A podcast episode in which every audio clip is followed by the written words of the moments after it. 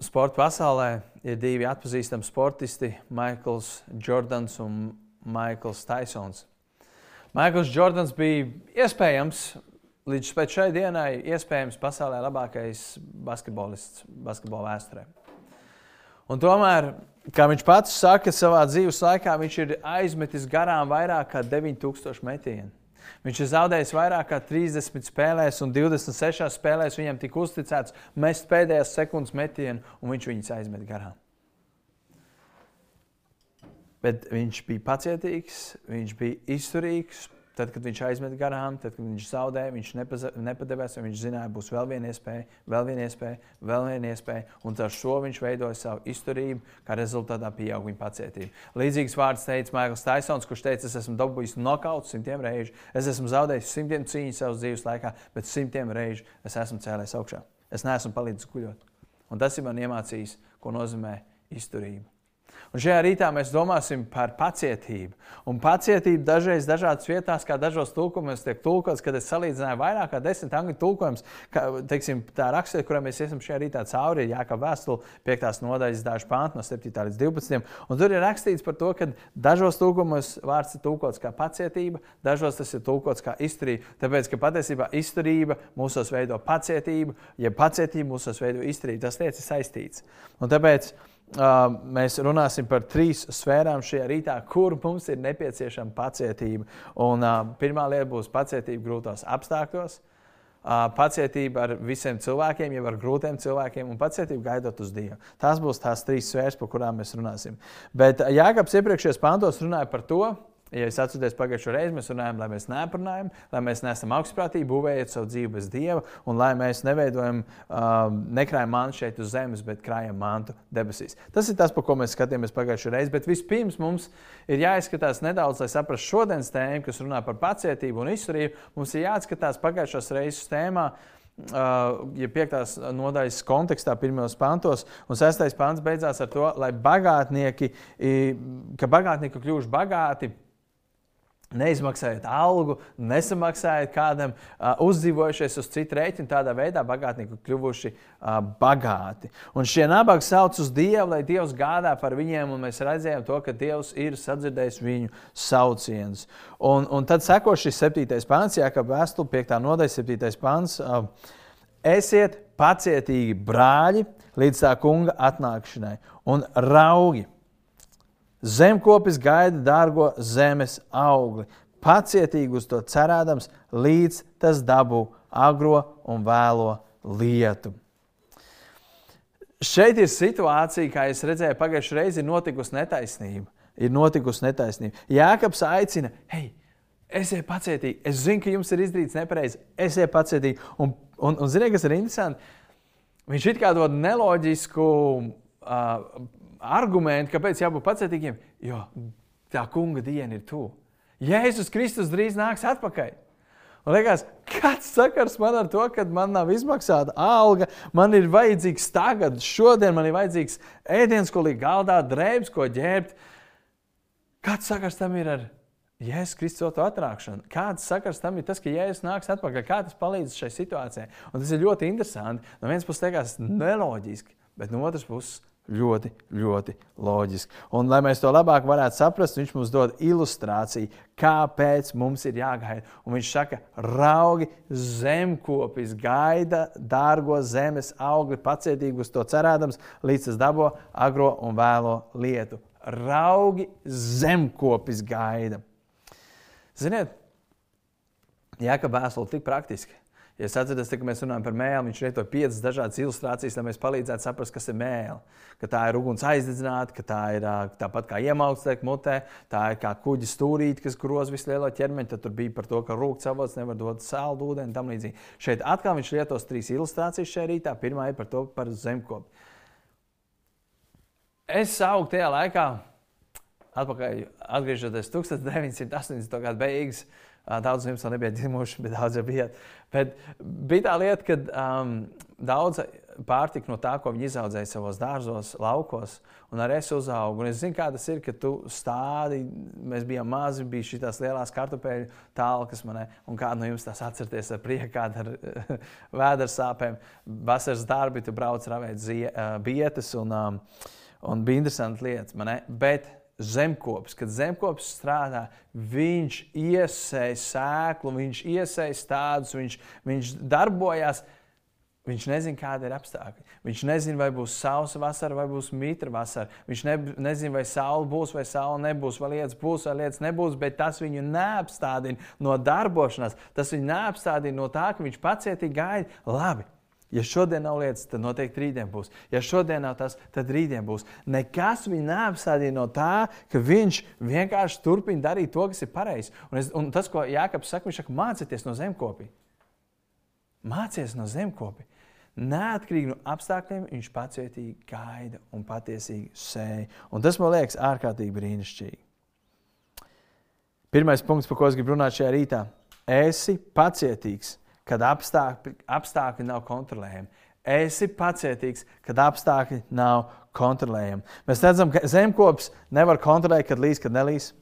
Viņš tieši tāpat šajā kontekstā mēs redzējām to iepriekšējās nodaļas, ja piektās nodaļas sākumā mēs redzējām, tas cilvēks, kuram neizmaksā algu, viņš nevar kontrolēt, viņam izmaksās vai neizmaksās algu. Iespējams, tu nezini savā dzīvē, kā beigsies tava situācija. Un tad jautājums, kas ir tā tava situācija? Kas ir tas tavs apstākļus, kurš šajā brīdī tev nospiež, kur tev ir milzīgi vajadzīga pacietība? Es nezinu, kas tas ir, bet tu zini, kas ir tā tava situācija tavā dzīvē. Varbūt tās Tu gaidi atbildi no Dieva, lai Dievs atrisina, lai Dievs varbūt paņem prom no tavas dzīves kaut ko, vai tieši otrādi, lai Dievs dod tavai dzīvē. Varbūt tās tev priekšā stāv tiesas prāva, un tu esi ļoti satraucies par to, kā, kā tas beigsies. Varbūt kāds darījums ir ievilcies, un tu esi satraucies par to, kā tas būs, un tev ir vajadzīga milzīga pacietība. Tu kā gaidi, bet tu nezini, kā būs. Varbūt tev ir izveidojis kāds saspēlējums starp radiem, starp brāļiem, starp māsām, starp, starp vīru un sievu. Uh, meitu un māmu, dēlu un tēvu. Vienalga, kas tas ir, kur tev šajā brīdī ir šī grūtā situācija, un tu nezini, kā rīkoties, tev ir vajadzīga milzīga pacietība, lai izturētu šo situāciju. Kas ir tas, kas ir tavā dzīvē? Varbūt tā ir šī pandēmija, kurā mēs atrodamies. Kā es teicu, šodien mēs oficiāli ejam otrajā gadā, kad tika izsludināts šis ārkārtas stāvoklis. Un, um, iespējams, kādam ir tāds nopietns otrais gads, atkal, joprojām. Un mēs nezinām, kā rīkoties, iet, neiet, vilkt maskas, nevilkt maskas, potēties, nepotēties. Ko man Dievs darīt? Un, un, un man vakar bija saruna, kāda cilvēka man nekurš teica, es esmu reāli piekusis no tā. Es esmu piekusis no tā. Un mēs visu laiku jūtamies, ka tāds noteikums un tāds noteikums. Un mēs arī esam pagājušajā nedēļā. Tad varēs bērns iet uz bērnu dārzu vai nevarēs bērns iet uz bērnu dārzu. Būs skola, nebūs skola. Tu visu laiku esi tādā nemieru stāvoklī un ir vajadzīga pacietība. Kad tas viss beigsies? Kad beidzot būs normāli? Un mēs pat nezinām, vai kādreiz būs atpakaļ tas vecais normāli. Iespējams, ka nē. Bet visas šīs situācijas mums liek saukt Dievs, kad tas viss beig, beigsies. Un ko Jānis saka? Saka, gaidi uz Dievu. Es pacietīgs. 8. pāntā rakstīts, pacietie, pacietieties arī jūs, stipriniet savas sirdis, jo tā kunga atnākšana ir tuvu. Es jau pieminēju, ne? Stipriniet savu sirdi, jo tā kunga atnākšana ir tuvu. Vienalga, kāda ir tava situācija. Vienalga, kā šajā brīdī jūties spiests un tas nospiež zem dzīves smagumu un ciešanu, smagumu un spiedienu. Te rakstīts, cer uz Dievu, gaida uz Dievu, stiprini savu sirdi, jo tā kunga atnākšana ir tuvu. Un, un kā es, un, un to jautājumu es uzdevu, te rakstīts, stiprini savu sirdi. Jautājums, kā es varu stiprināt savu sirdi? Kas man ir jādara, lai stiprinātu savu sirdi? Cerība, ka tas kungs nāks drīz ka tas kungs atgriezīsies drīz. Un Jēkabs iedrošina šeit ar Jēzus otro atnākšanu. Un kas ir ļoti interesanti, neviens no šiem cilvēkiem, kuriem Jēkabs rakstīja to vēstuli, un pēc pēdējiem diviem tūkstošiem gadiem cilvēki, kas ir dzīvojuši, neviens no viņiem nav piedzīvojuši, kad piepildās tas, ko Jēkabs saka, lieciet savu cerību. Neviens nav piedzīvojis, ka Jēzus ir atnācis no debesīm un izrāvis ārā viņus no tās beigas. Un kāpēc Jēkabs mums dod tādu apsolījumu, ja mēs varētu teikt, statistiski, vēl neviens to nav piedzīvojis, tad kāpēc mēs to piedzīvot? Bet te ir viens ļoti interesants moments, ko es gribu, ko Jēkabs saka. Viņš saka, ja tu skaties uz laicīgām lietām, ja tu skaties, Dievs, lūdzu, izvelc man ārā no šīs situācijas, man ir ļoti grūti, man vairs nav pacietība, lūdzu, izvelc man ārā. Bet Jēkabs saka, nē, nē, nē, skaties uz Jēzu Kristu, gaidi viņa atnākšanu. Un, zin, redziet, viena ir uz pasaules lietām vērsta, otra ir uz debesu valstības lietām vērsta, uz Dievu vērsta. Jākap saka, neatkarīgi kāda ir tava situācija, skaties uz Jēzu. Skaties uz Jēzu. Atceries to, ka kādu dienu Jēzus Kristus nāk atpakaļ. Un pat ja tu to nesagaidīsi, tu nomirsi un aizies pie Dieva tādā veidā, kāda starpība gaida uz Jēzus Kristu, ceru uz viņu, es pacietīgs uz viņu. Tas ir tas, ko Jānis mums saka, tad, kad tev ir grūta situācija, tu nezini, kā rīkoties, tev trūks pacietības. Gaidi uz Jēzu Kristu, gaidi uz viņu. Tā kunga atnākšana ir tuvu. Šī cerība, ka Jēzus Kristus nāks atpakaļ, ir pietiekoša, lai stiprinātu tavu sirdi.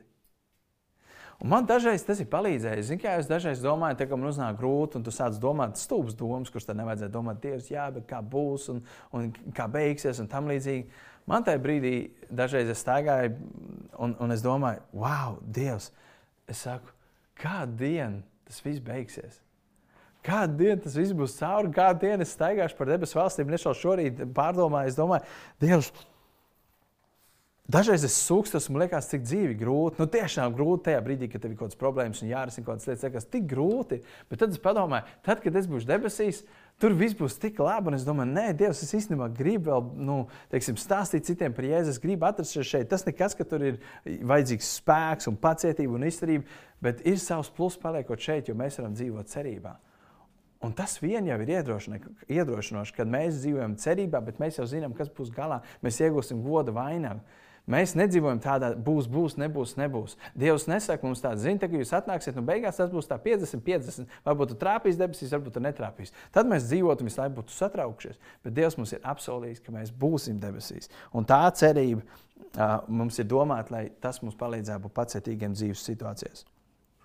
Ja es teicu tādus vārdus, pasaulē jums būs bēdas, ciešanas, grūtības smagas situācijas, smagas sarunas ar cilvēkiem, ir situācijas, kurās tu nezināsi, kā rīkoties. Ja es teicu, pasaulē jums būs bēdas, bet turiet droši prātu. Es pasaulē esmu uzvarējis. Turiet droši prātu. Es pasaulē esmu uzvarējis. Līdz ar to, tāpēc, lai arī kur tu atrodies, ja tu esi ticīgs cilvēks, raugies uz Jēzu raugies uz Jēzus otro atnākšanu. Un tādā veidā tu stiprināsi savu sirdi, kas veidos tevī pacietību, veidos tevī izturību, kas palīdzēs tev noskriet skrējienu līdz galam. Bet varbūt šajā rītā tu klausies, un es zinu, to, ka vairāk cilvēku no dažādām vietām klausās, un kā es esmu sapratis, ne visi no jums esat gatavi mirt. Viens no jautājumiem, ko es personīgās sarunās cilvēkiem uzdod, vai tu esi gatavs nomirt? Vai ja tu šodien nomirti, vai tu zini, kur tu nonāksi? Vai tu zini, kur tu nonāksi? Debesīs vēlē. Un ar nožēlu var teikt, ka daudz cilvēku saka, jā, es zinu, es nonākšu vēlē. Un varbūt tu saki, zini, jā, man arī liekas, es vairāk nonākšu tur. Bet tas nav tas, ko Dievs grib. Vienīgais iemesls, patiesībā galvenais iemesls, kāpēc es šeit stāvu, kāpēc mūziķi, mūziķi šeit ir un kāpēc mums ir visa šī tehniskā komanda, kas nodrošina, lai jūs varētu to redzēt, ir šī viena iemesla dēļ. Lai tie, kas domā, ka viņi nonāks LE, lai viņi varētu iegūt pārliecību, un patiesa pestīšana, ka viņš būs debesīs. Līdz ar to tas, kas, ja tu esi nospiests un tu neesi pārliecināts, kur tu nonāksi, tev ir jāsauc uz Jēzu Kristu. Tev ir jāatzīst to, ka tu esi grēkojis. Tev ir jāierauga to, ka tavu labie darbi nekādā veidā nevar atsvērt sliktos darbus. Jo arī tad, kad mēs izdarām sliktus darbus, ja mēs nogalinātu kādu cilvēku, mēs jau viņu vairs nevaram atzīmēt. Mēs varam gribēt pēc tam izdarīt simts labus darbus, bet tas nekādā veidā neatlīdzinās to, kas ir izdarīts. Un tieši tāpat Dieva priekšā viņš neskatīsies, nu jā, tev tur ir tūkstotis grēki, bet 2000 labie darbi. Viņš skatīsies uz tevi, un Dieva līmenis, Dieva standarts ir pilnīgs, perfektums, taisns, bez grēka, un tu tāds neesi. Un no vienas puses liekas, bet tad jau vispār, kurš tad var tikt glābts, tad es esmu pilnīgā bezcerībā. Un tāpēc Dievs sūtīja savu dēlu Jēzu Kristu Jēzu Kristu, tas, ko Nelija teica savā liecībā, es, ne, es zināju par Dievu, bet es neko nezināju par Jēzu. Šī ir tā atslēga. Tu varbūt zini par Dievu, tu varbūt nenoliedz, ka ir augstāks spēks, bet tu nepazīsti Jēzu. Jēzus Kristus Ziemassvētkos nāca kā mazs bērniņš. 33 gadus vēlāk, Lieldienās, viņš tika piesists krustā. Bet trešajā dienā viņš augšām cēlās no nāves, uzvarēja nāvi, uzvarēja grēkus, sakāva sātanu lai neviens cilvēks tev tā skaitā, ja tu tici, ka Jēzus Kristus ir samaksājis par tiem grēkiem, viņš ir nomiris pie krusta, tad tu zini, ka tu vari saņemt atdošanu. Ja tu atzīsties savos grēkos, nožēlo savus grēkus, piesauc Jēzus Kristu. Ziniet, viena no lietām, vien, es domāju, iemesls numur viens uh, cilvēkiem, kas nonāk sēlē, kāpēc viņi tur nonāca, ir tāpēc, ka viņi būs kautrējušies šādā situācijā, piemēram, kā šorīt, uzrakstīt, paprasīt, piezvanīt.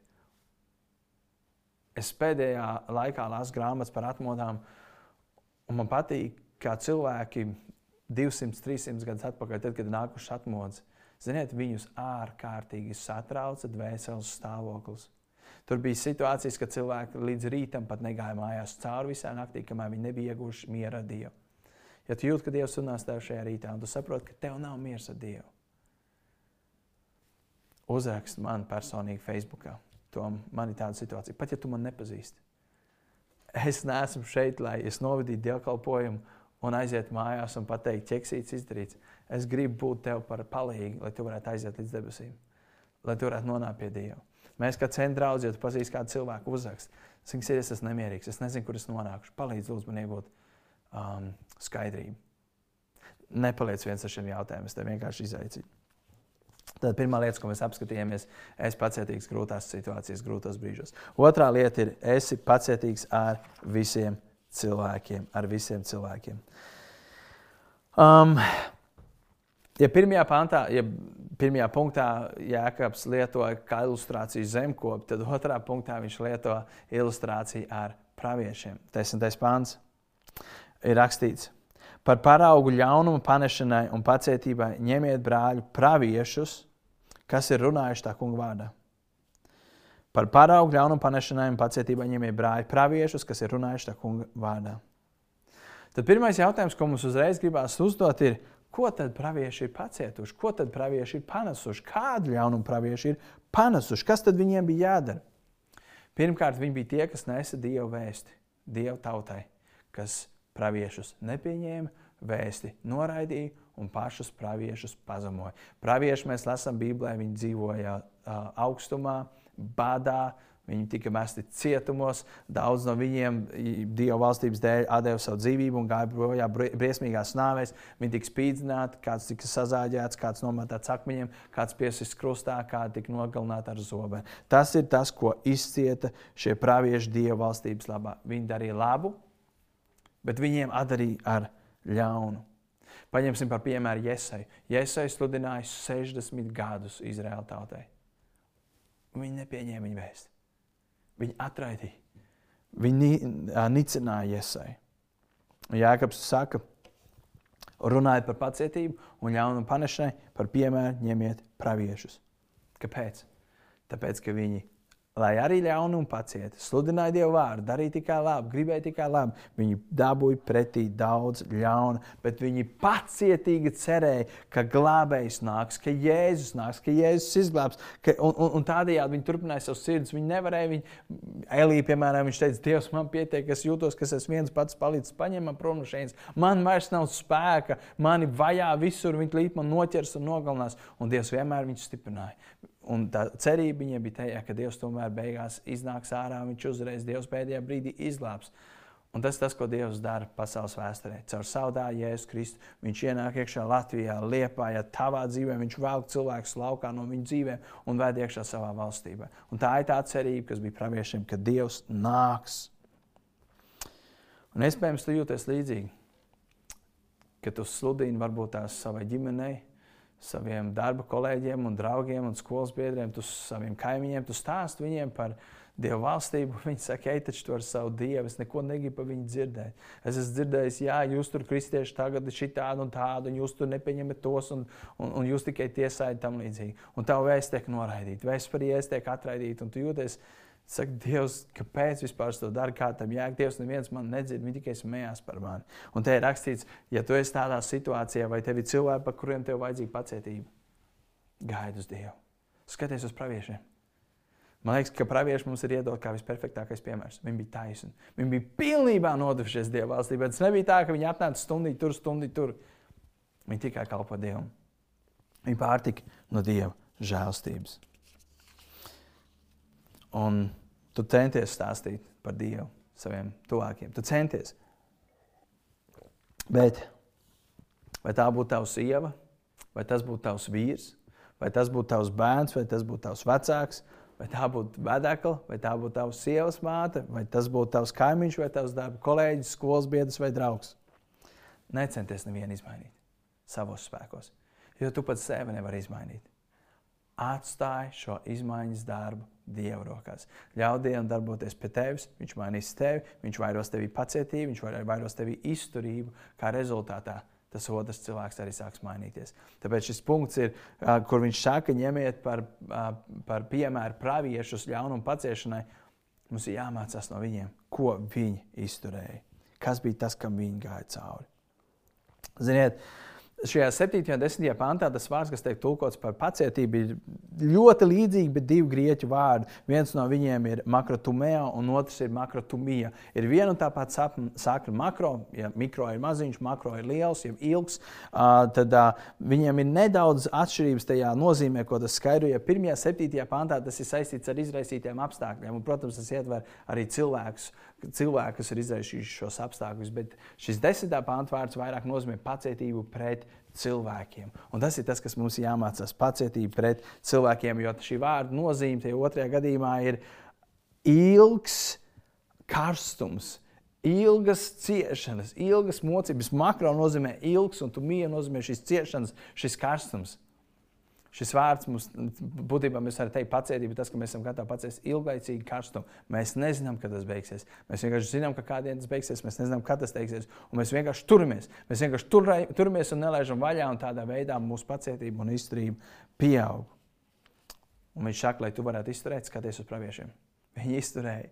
Viņi izturēja, jo viņi skatījās uz kaut ko labāku. Un, ja atceraties, 11. nodaļā ebreju vēsturē ļoti daudzas lietas rakstīts. Tur rakstīts par to, skatieties uz tiem, kas ir gājuši pa priekšu, kādas lietas viņi ir darījuši un ko viņi ir pacietuši. Un viņi, un te, un tur bija rakstīts, viņi pat nav saņēmuši šīs lietas. Viņi neko no tā, kā viņi cerēja, kādēļ viņi cīnījās, viņi to nesaņēma. Pravieši sludināja evaņģēlīju, lai tauta atgriežas.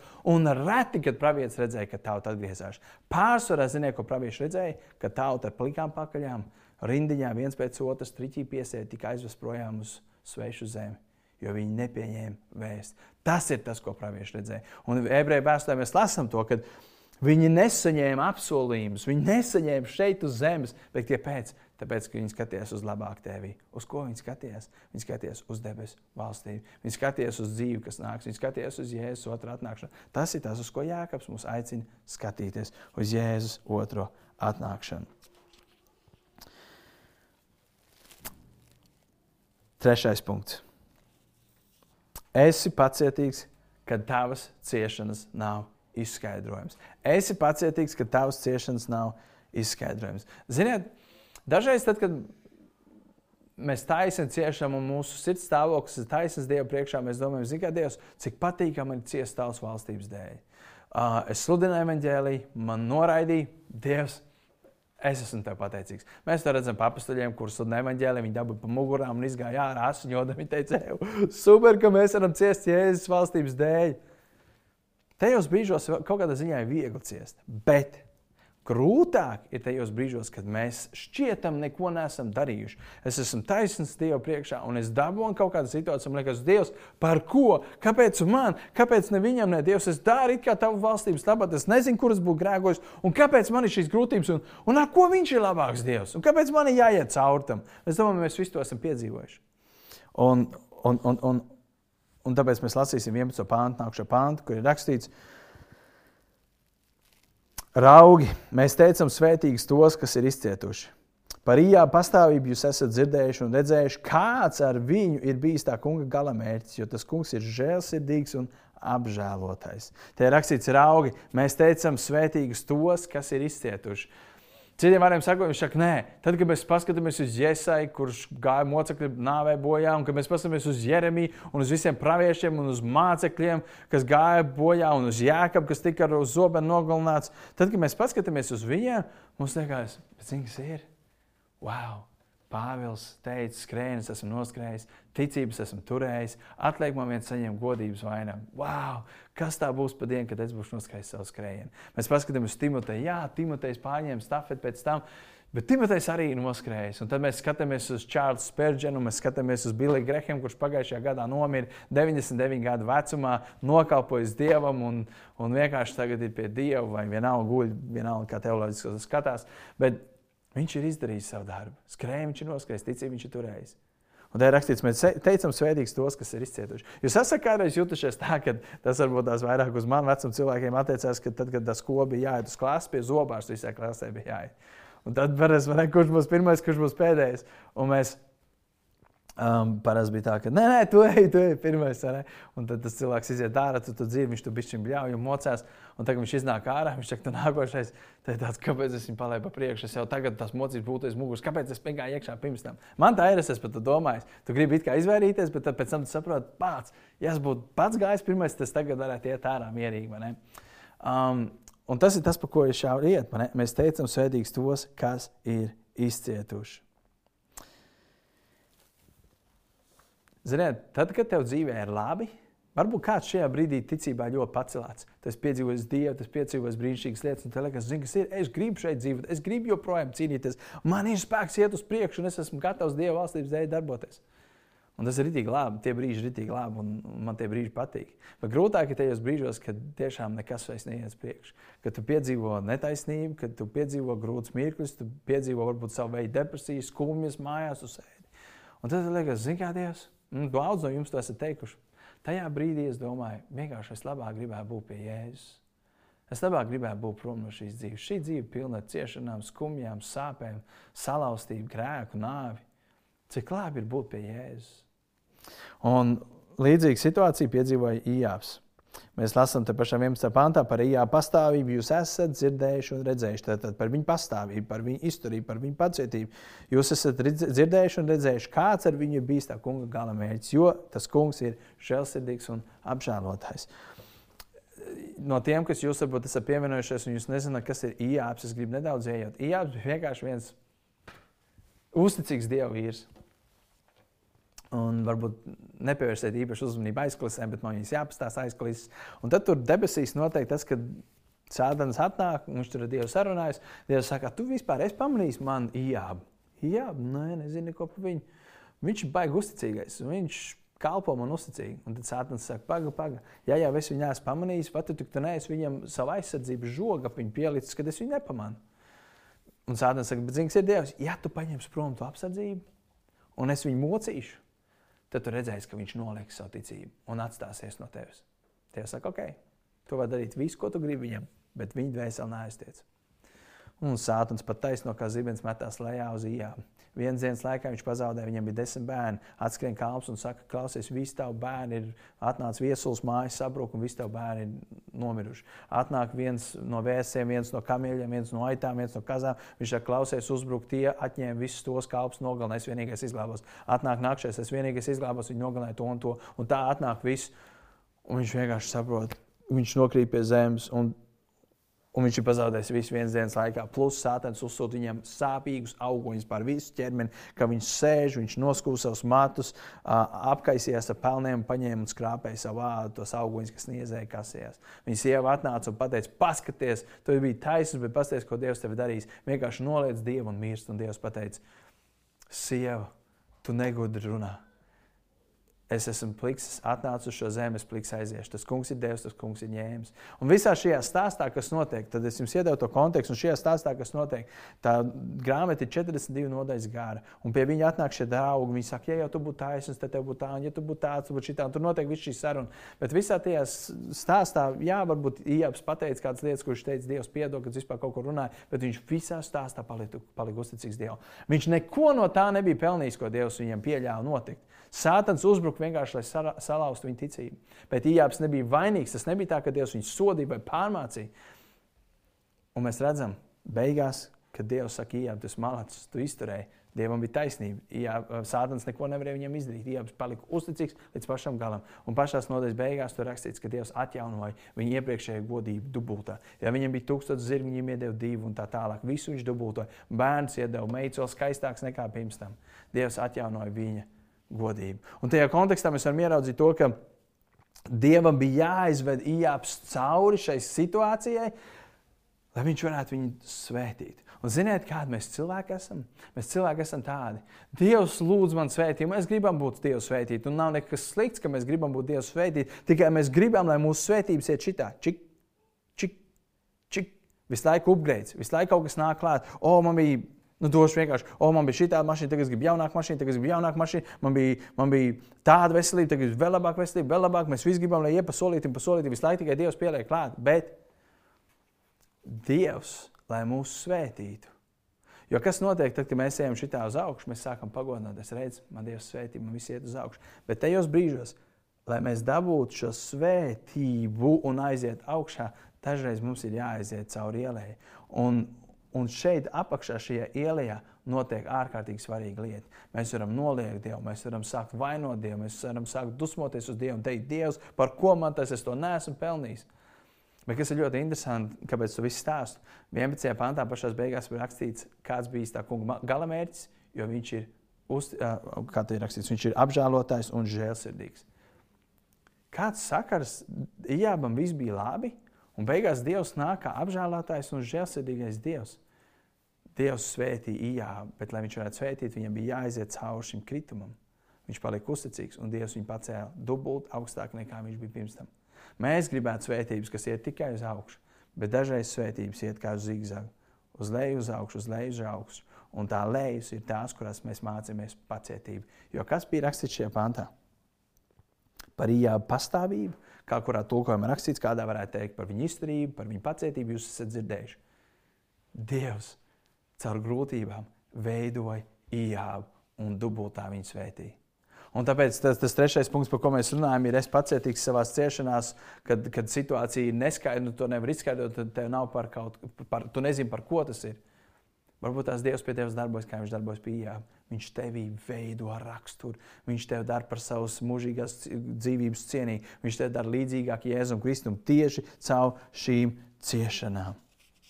Un es gribu jums iedot vienu vārdu Ja 7. un 10. pāntā es pieminēju, ka tur bija lietot divi grieķu vārdi - makrotumija un makrotumeo, tad šeit 10, 11. pāntā ir lietots pavisam cits grieķu vārds, kas nozīmē pacietību, izturību, hupamonē. Pilnīgi cits makrotumija pret hupamonē. Un jūs teiksiet, kas tā pa grieķu stundu, bet es jums pateikšu, cik tas ir ārkārtīgi svarīgi. Šie pirmie divi vārdi. Viņi ir saistīti ar pacietību pret situāciju, pret citu cilvēku vai situāciju. Hupamonē ir saistīts ar pacietību, ka tu gaidi uz Dievu. Tāpēc, ka šajā vārdā hupamonē ir cerība, ka Dievs nāks, ir cerība, ka Dievs izdarīs, ir cerība, ka Dievs tevi izcels laukā. Mēs nevaram hupamonē pret cilvēkiem, jo mums nav garantija. Jūs zināt to, ka tie cilvēki, mēs sakām, nepavēl tāds teiciens, tur ir sava patiesība. Viņš jau nekad nemainīsies. Un tā arī ir. Ir cilvēki, kuriem nekad nemanās, un viņi nomirst. Līdz ar to mēs nevaram par cilvēku teikt, es hupamonē, pacietīgi uz viņu gaidu, tāpēc, ka mēs varam teikt makrotumija kas būtu pret cilvēku, bet hupomonē mēs varam teikt tikai par Dievu, jo tajā vārdā ir iekšā cerība, kur dod Dievs. Līdzīgi kā Romiešos 5. nodaļā ir rakstīts, ka cerību jūs nepametīs kaunā. Tie, kas cerēs uz būdu, tie, kas cerēs uz Allahu, tie, kas cerēs uz saviem labiem darbiem, tie, kas cerēs uz uh, makrām, mikrām, visām šitām lūkšanām, kastām, visām pārējām lietām, tās ir cerības, kas viņus pametīs kaunā. Bet Jēzus Kristus nepametīs kaunā. Hupamonē ir tā cerība, jeb pacietība, jeb izturība, kura ir saistīta ar cerību uz Dievu, ka Dievs nāks un izdarīs. Un Ijāba ir rakstīts, šī pacietība ir kupamonē, ka viņš cerēja, ka Dievs atnāks un iznāks. Tāpēc viņš varēja izturēt visu šo garo posmu, kad viņa ticība tika izaicināta. Viņam teica, atmet savu ticību, bet viņš hupamonē uz Dievu. Viņš pacietīgi gaidīja uz Dievu. Dieva galamērķis, tad, kad mēs ejam cauri grūtiem brīžiem, nereti ir, lai parādītu tev žēlsirdību un apžēlošanu. Bet Dievs grib mūs svētīt vēl vairāk.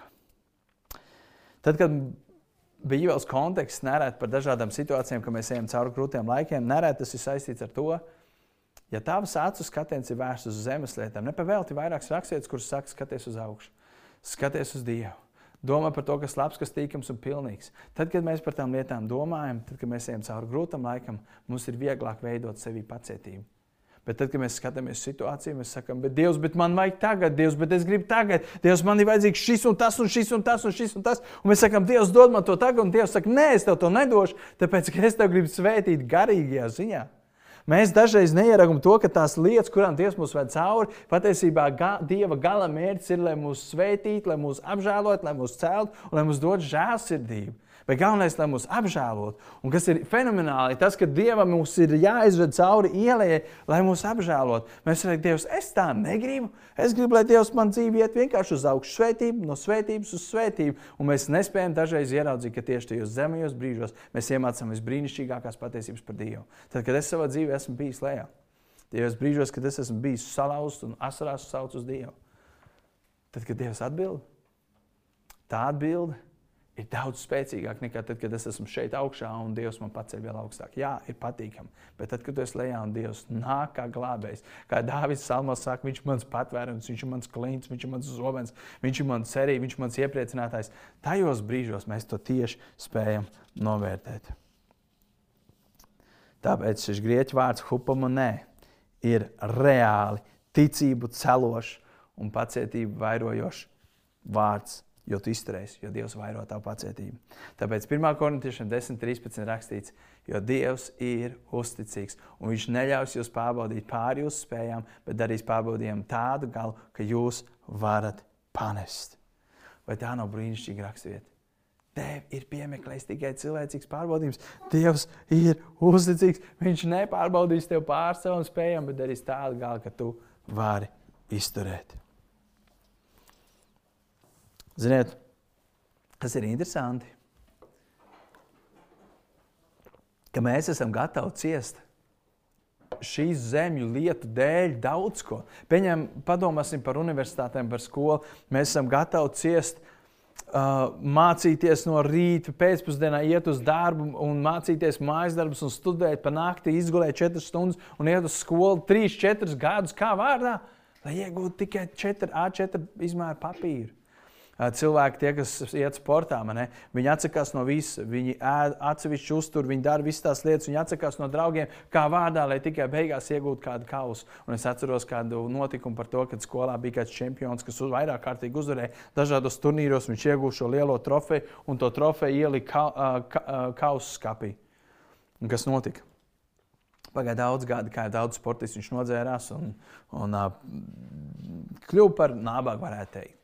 Un vienīgais darbs, ko viņš var atrast, bija šajā pašā skolā par apkopēju. Un tā viņš kādu dienu tīrīja šo skolu, viņš ieraudzīja kādā gruškastē. Tur mētājas kausu, viņš paņēma un ieraudzīja, viens no kausiem ir viņa kausa. Un tajā brīdī viņš saprata vienu lietu. Vienā dienā tu esi čempions, tavs kauss tiek ievietots skapī un viss tev apbrīno.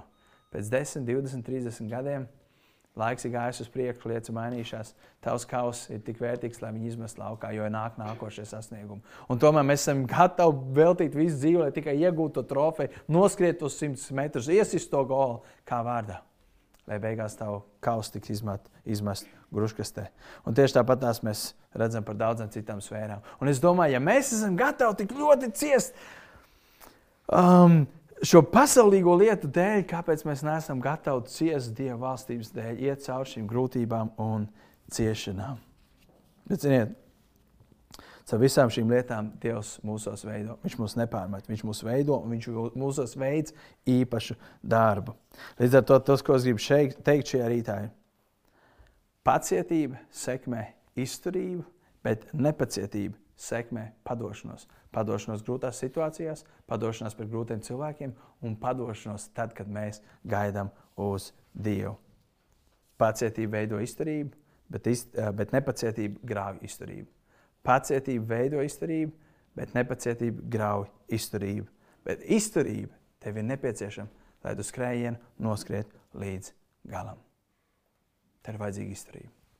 Un tas ir tas, par ko Jēkabs mums iedrošināja. Izturība grūtos brīžos, izturība pret grūtiem cilvēkiem, pret cilvēkiem, kas mūs atraida, pret cilvēkiem, kas mūs atmet. Un izturība, kad mēs gaidām uz Dievu.